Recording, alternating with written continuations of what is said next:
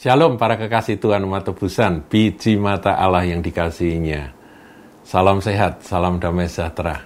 Dan saya percaya perlindungan Tuhan atas saudara-saudari sekalian. Saudaraku kita lanjutkan tentang doa.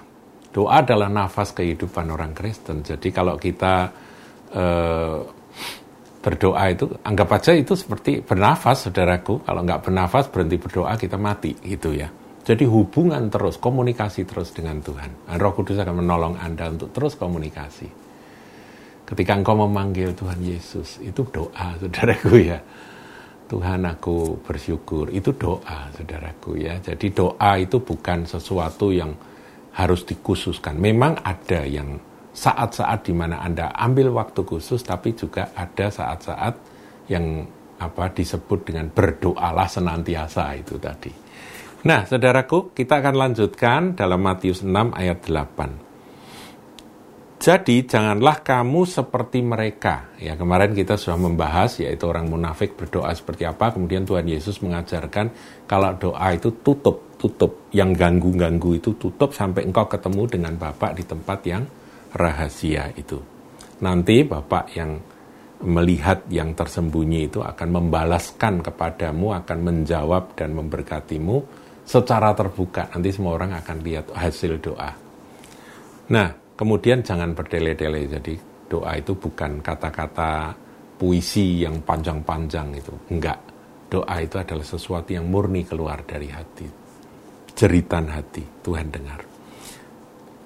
Janganlah kamu seperti mereka, karena Bapamu mengetahui apa yang kamu perlukan sebelum kamu minta kepadanya.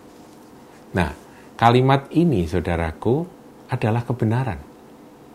Saudara sebelum meminta sesuatu kepada Bapak di dalam doa, Bapak sudah ngerti atau belum ngerti apa yang menjadi keinginan atau kebutuhanmu? Apa yang engkau butuhkan? Apa yang menjadi kerinduanmu? Engkau berdoa meminta sesuatu kepada Bapak. Kan Tuhan sudah tahu dia maha tahu. Kalau nggak tahu namanya bukan maha tahu ya. Ya kan? Berarti Tuhan tahu. Nah kalau Tuhan tahu, nah terus untuk apa aku meminta? Nah ini ada orang-orang yang membaca ayat ini kemudian mengekstrimkan. Seakan-akan, nah kalau gitu aku nggak usah doa, wong Tuhan sudah tahu. Jadi aku nggak usah doa, aku diem aja nanti kan dikasih sendiri apa yang menjadi kebutuhanku. Saudara, ini satu sikap yang keliru. Kenapa keliru? Nah, kita akan bandingkan saudaraku dengan Matius 7 ayat yang ketujuh. Dan seterusnya. Saya bacakan ya saudaraku ya. Mintalah, maka akan diberikan kepadamu. Carilah, maka kamu akan mendapat. Ketoklah, maka pintu akan dibukakan bagimu. Artinya apa? Tuhan menyuruh Tuhan memerintahkan, dia berfirman memerintahkan pada kita umatnya, kita anak-anaknya, untuk meminta. Nah, saya pernah merenung, saudaraku, Tuhan, engkau menyuruh aku meminta. Kalau aku nggak minta, engkau memberi atau tidak? Jawabannya, ya bisa diberi, bisa tidak. Tapi mau disuruh, mau taat atau tidak Anda? Anda disuruh minta, Kok mana? Enggak, enggak usah minta. Oh, Tuhan maha tahu. Dia Tuhan kau sudah tahu semua yang aku butuhkan. Buat apa aku minta? Itu enggak taat, saudaraku. Dan itu males. Males dalam mencari Tuhan. Tuhan berkata, carilah. Cari apa? Kerajaan Allah dan kebenaran. Cari dia. Carilah Tuhan. Sampai ketemu. Males cari Tuhan. Terus ngomong, ya Tuhan kan maha tahu. Tuhan kalau engkau tahu kebutuhanku ya buat apa aku cari-cari? Kan kau bisa menemui aku di mana saja. Pasif saudaraku. Pasif itu karena males dan tidak taat. Karena ini perintah. Mintalah itu perintah. Carilah itu perintah. Saudara mau taat atau tidak ini problem buat kita.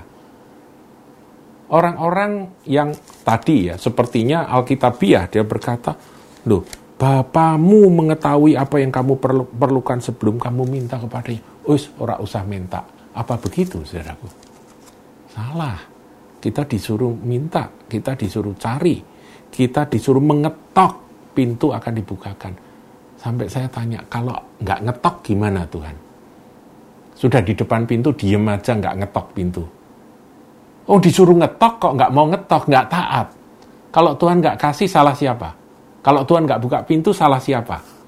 Yang salah kamu, disuruh ngetok, nggak mau. Jadi gini kita harus fair terhadap Tuhan, terhadap firman Tuhan kita harus fair. Kemudian di, dijamin, saudaraku, karena setiap orang yang meminta menerima. Bayangkan, saudaraku. Dan nanti di dalam e, percakapan Tuhan Yesus dengan murid-muridnya, Tuhan berkata, sampai sekarang kau belum pernah meminta apa pun kepadaku di dalam namaku, kepada Bapa di dalam namaku, dan kepadaku di dalam namaku. Itu disuruh minta. Nah saudaraku, lepas dari pengalaman, saya terus terang punya pengalaman yang kalau saya jujur sampaikan bahwa saya berdoa dan Tuhan tidak menjawab, Tuhan tidak mengabulkan tanda kutip. Apakah itu membuat saya berhenti berdoa? Enggak. Karena ini perintah. Apakah saya berhenti meminta? Tidak. Ini perintah. Misalnya, mendoakan orang sakit. Tuhan, aku berdoa di dalam nama Yesus, orang sakit. Engkau disembuhkan. Enggak sembuh. Malah meninggal dunia, saudaraku. Akhirnya apa? Enggak mau doa kesembuhan, ya kan? Itu salah. Perkara jawabannya itu adalah hak istimewa Tuhan. Tetapi perkara meminta itu bagian kita meminta. Dan saya berharap saudara kita meluruskan akan semangat doa kita itu berdasarkan apa yang Tuhan Yesus ajarkan ini. Saya harap uh, pelajaran sederhana ini boleh menjadi bekal buat kita untuk bersemangat meminta, mencari, dan mengetok. Dia menjamin Barang siapa minta, menerima, mencari, mendapat, mengetok, pintu-pintu dibukakan. Haleluya. Amin. Tuhan Yesus berkati.